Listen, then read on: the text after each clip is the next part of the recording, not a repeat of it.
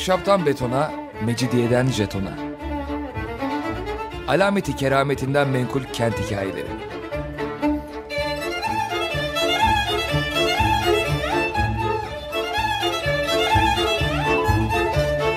Hazırlayan ve sunan Pınar Erkan.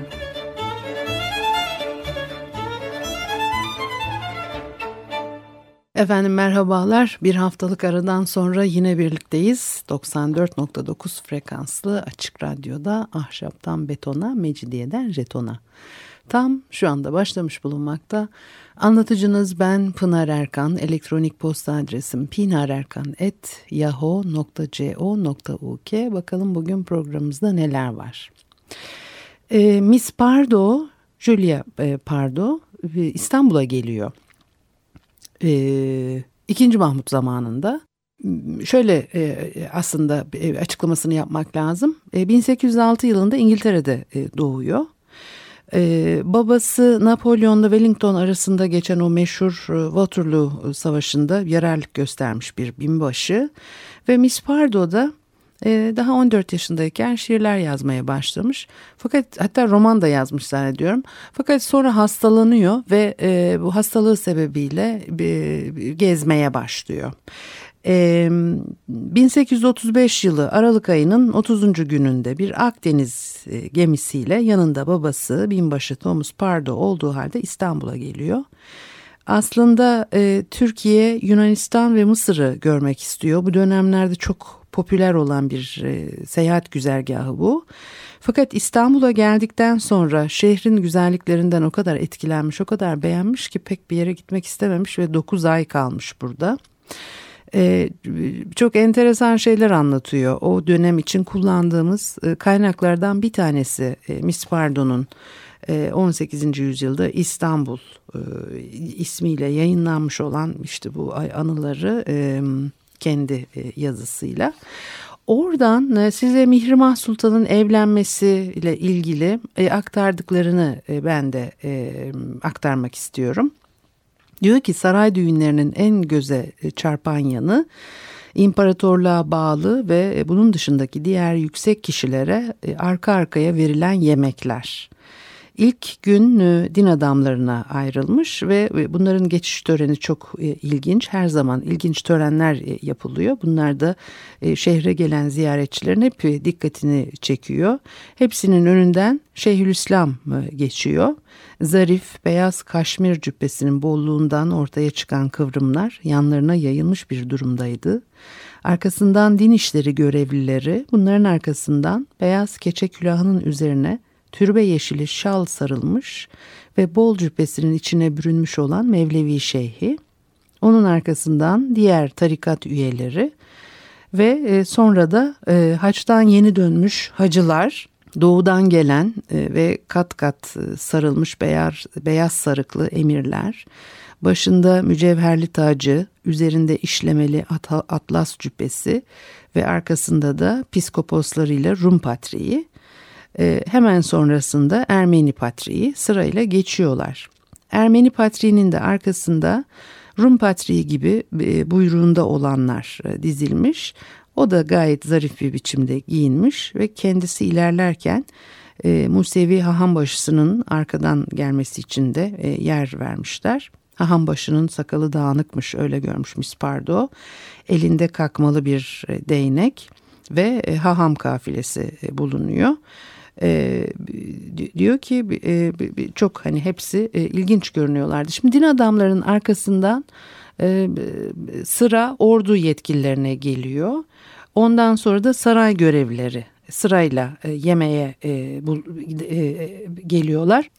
E, bütün bu e, e, tören e, töreni büyük bir merakla seyrediyor. Arkasında da e, tabii elmas ve işlemelerden oluşan o mücevherler çok dikkatini çekiyor. Onları aktarıyor bize ve diyor ki ömrümde hiç bu kadar eşsiz, bu kadar çok elmas işleme, gururlu at ve parıltı içinde geçit töreni görmemiştim. Koşarak gidip gelen uşaklar, acele acele taşınan yemek tepsilerinin yerlerde çiğnenmesi, değerli taşlarla süslü silahların üzengilere çarparak çıkardıkları sesler, gürültü, patırtı, koşturmaca ve göz alıcı her şey. Sonunda bu azametli konuklar çadırların içinde görünmez oldular. Seyisler de dışarıdaki o eşsiz atları besliyorlardı. Atlar binicilerinin kontrolünden kurtulunca kalabalığın arasında yerlerinde duramıyorlardı ve onu tabii onları kontrol etmek gerekiyor. Kendimi çok güzel bir düşten birdenbire uyanmış sandım. Yalnız bu eşsiz görünümün gerçek olduğuna ve onu gerçekten izlediğime başımdaki ağrının dayanılmazlığından inandım. Akşamüstü kürklerimize ve paltolarımıza iyice büründükten sonra Tophane iskelesine indik ve adalara işleyen büyük kayıklardan birini kiralayarak bindik. Akıntının ortasına doğru ilerlerken çevremizde gördüğümüz eşsiz güzelliği doya doya izledik. Buradan boğaz suları ateşten bir kemerle sarılmış gibi gözüküyordu. Kıyıyı karanlık kaplamıştı. Bundan ötürü ışıkla donanmış binalar gökyüzündeki bulutlara kadar yükselmiş etkisini veriyorlardı. Bundan daha güzel bir şey olamazdı. Büyük bir havai fişek çevremizi kuşatan kıyıları ve bunlardan çok akıntının üzerine aydınlatıncaya kadar kayığımız suların üstünde usulca kıpırdanarak olduğu yerde durdu. Karada gördüğümüz gündüzkü kalabalık beni şaşırtmıştı. Fakat deniz üzerindeki boğazı tıkayan kayık kalabalığını görünce şaşkınlığım on kat arttı. Paşa kayığından tutun da Akdeniz tüccarlarının çeşitli biçimlerden taşıt araçları, her türlü ışık ve yararlanılabilen deniz aracı o gece çok canlı bir durumdaydı. Öte yandan kıyıya yaklaştıkça kadınların sayısız beyaz yaşmakları, havai fişeklerin ışığıyla yoğun bir köpüklü kıyı dalgasının üst üste yığılmış biçimini andırıyordu. Kadınların bu kadar çok toplaşmalarının nedeni şuydu. Başka zamanlarda Türk kadınlarının gece saat 8'den sonra sokakta gezmeleri yasaktır. Bundan ötürü bu gece onların don donanmayı izlemeleri için bir fırsattı. Donanmanın genel etkisini uzaktan izledikten sonra Dolmabahçe Sarayı'nın karşısında birbirine girmiş durumda biriken kayıkların arasından epey güçlükle geçebildik. Amacımız su üzerinde çok etkili bir biçimde parlayarak her yanı ışıldatan Rum ateşlerinin birisinden tam zamanında kaçmaktı. Çünkü öncekileri bizim kayığımıza çok yakın bir yerde patlatmışlardı. Donatılan binalar içinde Serasker Paşa'nınki hepsinden üstündü. Sarayın bütün kıyıya bakan yüzü pırıl pırıl ışık eğlencesi içindeydi. Fenerlerin içine başka zamanlar konulan iç yağ yerine ışık veren öyle bir madde konulmuştu ki bir yandan meşaleye değişik bir renk veriyor, bir yandan da çevresini pırlanta gibi. Şimdi e, tabii bu akşam e, gördüklerini, izlediklerini anlatıyorlar. E, Miss Pardo e, sabah saatlerinde e, yola çıkıyor ve, ve bunun için de epey bir e, planlama programlama yapmışlar. Bir müzik arası verelim ondan sonra devam edelim bakalım e, nikah sırasında bir düğün sırasında ne olmuş.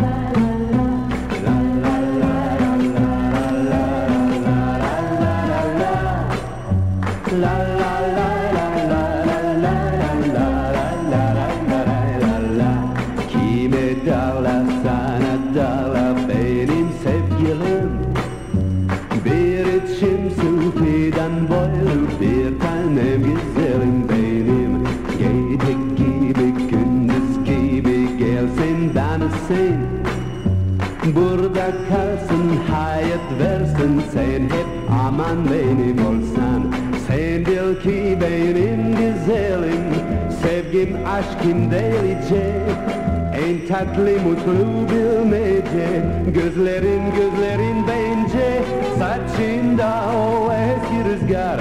Bana bu şarkıyı fısıldar. Gel güzelim, gel güzelim Beni unutma sen beni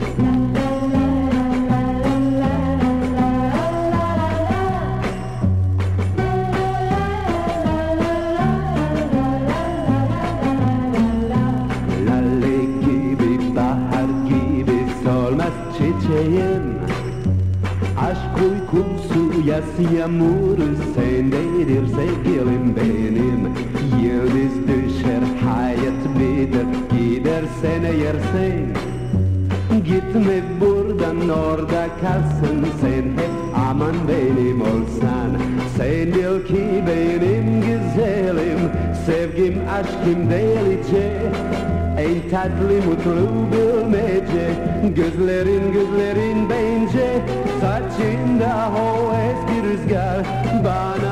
shar ki yo fesel dar gel geselim gel sep gelim bey hunut musayn beyni la la la la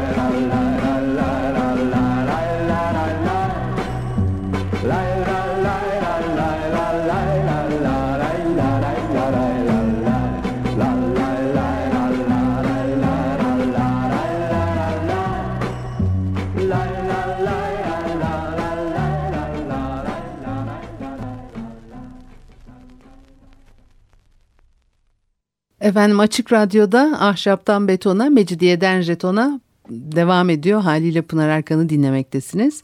Miss Pardo'nun e, gözlemlerinden Mihrimah Sultan'ın e, evlenmesini e, anlatıyordum. Padişahın ikinci kızı Mihrimah Sultan ve o nikah töreninde bulunmak için sabah saat 9'da evden çıkıyorlar ve İstanbul yakasına geçtik diyor. Sultan e, 19 yaşlarında güzel bir kızdı. Nikahlanacağı Mehmet Said Paşa efendisinin en değerli armağanını elinden almak için Çanakkale'deki görevinden çağrılmıştı. E, nikah töreninin 7 Nisan'da ve saray falcısının nikahın yapılması için bulunması gereken kişilerin toplanmasına en uygun olarak belirttiği saatte e, kararlaştırılmış. Bu kişiler davetiyelerini kızlar arası e, kızlar ağası e, aracılığıyla nikahtan iki gün önce e, alıyorlar saray hazinedarının e, e, Hazreti Peygamber'in kutsal hırkasının e, bulunduğu kutsal daireye yakın olan odasında e, toplanıyorlar. Hepsi birlikte falcının belirlediği saatte bu kutsal daireye giriyorlar. Bu değer biçilmez bir emanet olarak elbette değerlendiriliyor ve onun önünde kendilerinden geçerek e, bir zaman sessizlik içinde duruyorlar. Bundan sonra e, bu seçkin kişilerden biri kendisi için yayılan e, seccadenin üstüne oturuyor ve onlar odanın içerisinde tabii diziliyorlar. Bir orada nikah töreni gerçekleştiriliyor. O nikah töreni biter bitmez kapılar ardına kadar açılıyor. İki şeyh nikah duasında bulundular e, diye aktarıyor bize e, Miss Pardo. Duanın sonunda e, Hırkay Saadet Odası'nda bulunan önemli kişiler oradan ayrılarak bir yan odaya geçiyorlar. Kendileri için hazırlanmış olan şeyleri yiyip içtikten sonra yanlarında beklettikleri kesredarlar var. Kendilerine padişahın izin verip iyilik etmekle hoşnut olduğu ağır armağanlar. E, sonra e, saraydan ayrılıyorlar. Onlar gider gitmez Valide Sultan Serasker konağında bekleyen ve bir yandan da büyük bir e, gösterişle saraya göndereceği kendi armağanlarının hazırlanmasında bulunan güveye gelinin verdiği armağanını gönderiyor.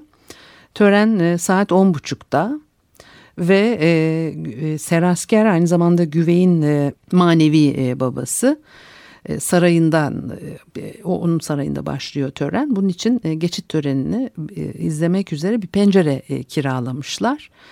Buradan saray topluluğunun saraydan çıkışını ve sarayın önündeki geniş alanı geçişini sonra da padişahın oturduğu saraya giden dar caddede yitip gidişini izleyecektik diyor. Olduğumuz yerin altında gördüğümüz çimenlik süvariler, yayalar ve arabalarla doluydu. Pek çok kadın törenin yapılacağı yola dizilen askerin tam arkasında oturmuştu. Bazı kişiler de açık gözlerin kurduğu ve çok ucuz bir fiyatla sağlanabilen yüksekçe bir yere yerleşmişlerdi. Kırmızı gelincik tarlasını andıran sıralanmış arabalar piyadelerin arkasına dizilmişlerdi.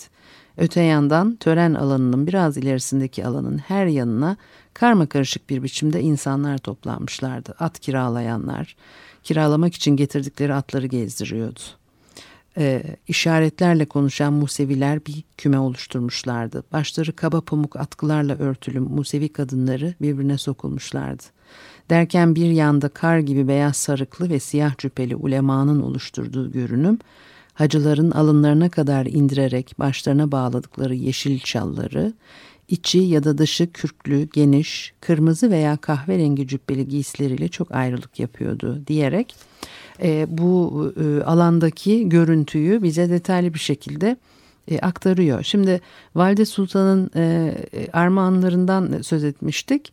Bu geline gönderilen armağanlar da çok etkileyici. İçinde doğunun en ağır kokuları olan ve som gümüşten mahvaza içine konulmuş gümüş bir tuvalet takımıyla yine aynı gümüşten mahvazalı bir gümüş muaf e, sofra takımı ve üzeri değerli taşlar, altın ve gümüş işlemelerle kaplı birkaç tepsi, birkaç da içi altın para yığılı tepsi e, ortaya çıkıyor. Bütün bu armağanlar e, çok ağır örülmüş gümüş tel kafeslerin e, içinde. Bunları taşıyanların yanlarında birer de uşak bulunuyor. Sonra dört kişi daha ortaya çıkıyor. Başlarında renkli müslinlere sarılı ve içlerinde şallar bulunan tepsiler var. Sonra 12 adam dışarıdan görülecek biçimde sarılmış hamam takımları taşıyorlar. Bunlardan birincisi yıldız şekli verilmiş sedef kakmalı ve pırlanta tasmalı abanoz nalınlar. İkincisi sırma kumaştan yapılmış ve ipekle çiçek demetleri işlenmiş baş çevreleri. Ee, üçüncüsü yanları altın saçaklı bir yığın havlu. Ee, sonra çiçekli eflatun atlastan bir bohça geliyor. Ee, altın kaplama büyük bir leğen. Fil dişi üzeri elmasla işli bir tarak. Zümrüt inci işli bir çift e, terlik. E, sekizincisi göğüs bölümünün üzeri sırma saçaklı e, süslü e, bürümcük e, bir gömlek. Altın kulplu, içi kokulu sabun dolu, kesme kristal bir kutu. Yakutlu abanoz bir esans kutusu. Altın çerçeveli, üzeri mücevher çelenkli bir el aynası.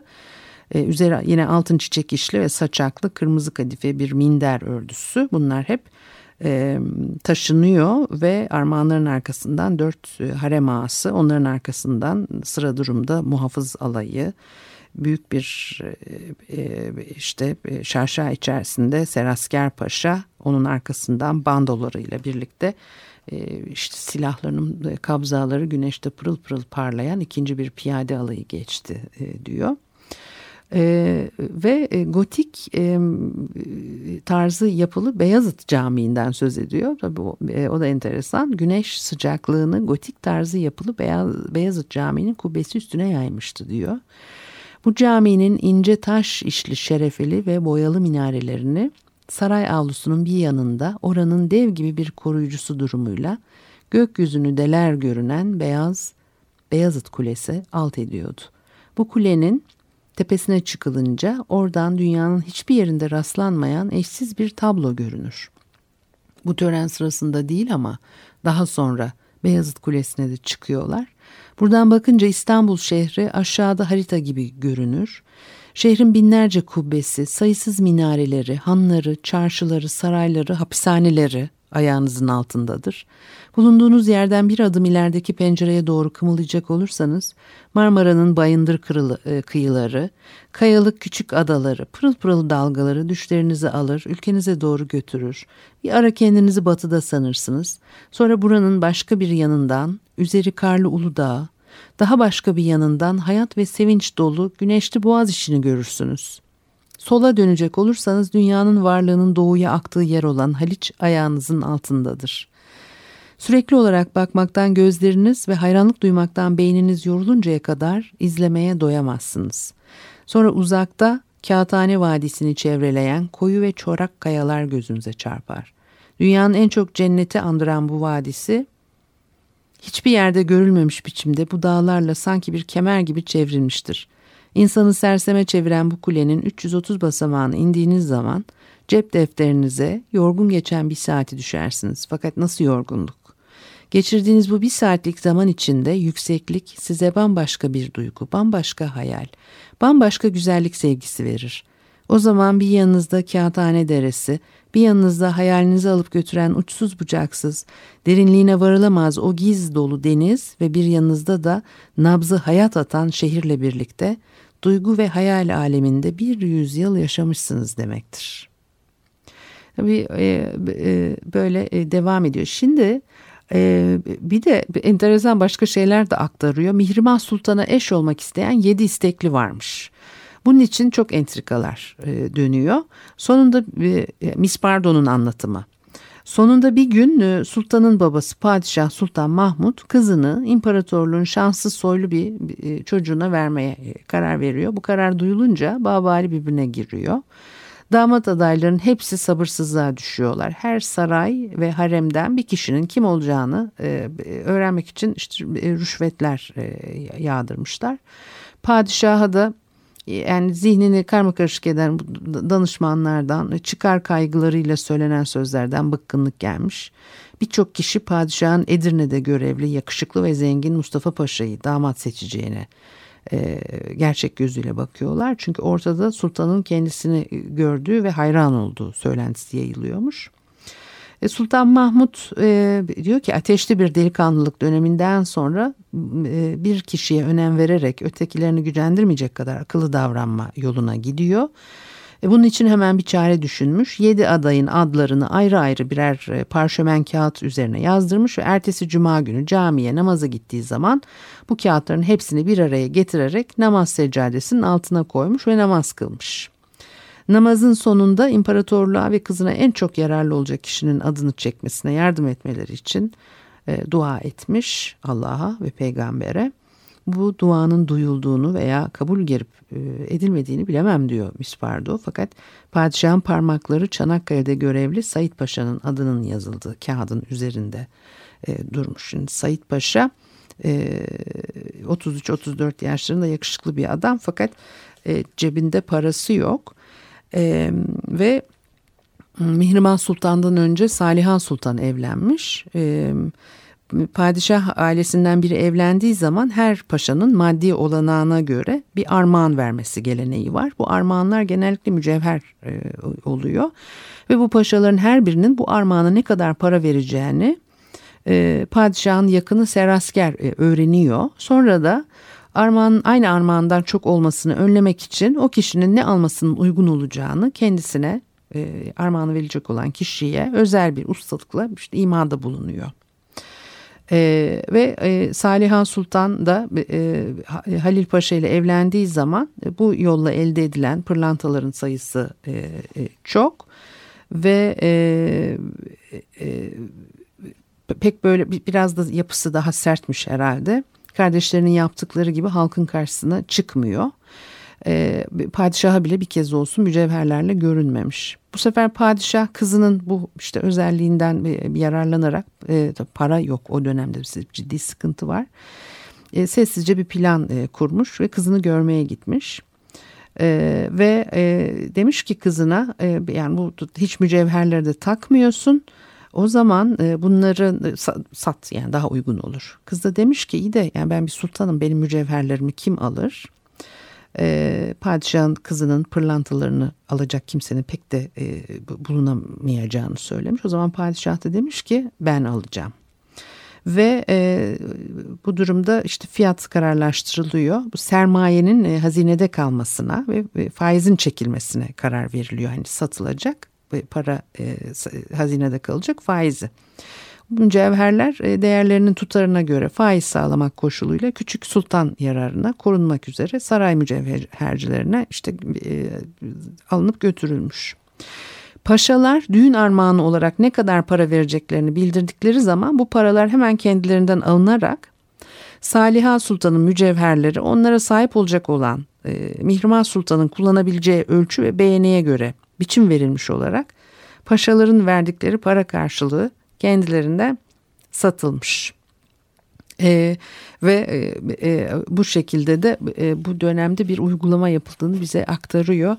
E, bu hikayenin doğruluğunu e, e, öğrene öğrenmedim yani onu bilmiyorum. Bu sadece Miss Pardo'nun anlattığı bir hikaye midir yoksa gerçekten böyle bir şey olmuş mudur?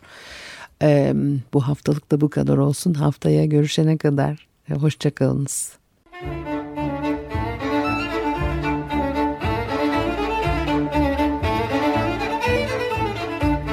Ahşaptan betona, mecidiyeden jetona. Alameti kerametinden menkul kent hikayeleri.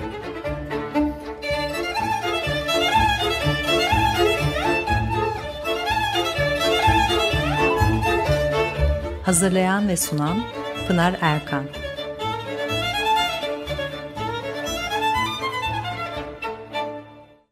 Açık Radyo program destekçisi olun. Bir veya daha fazla programa destek olmak için 212 alan koduyla 343 41 41.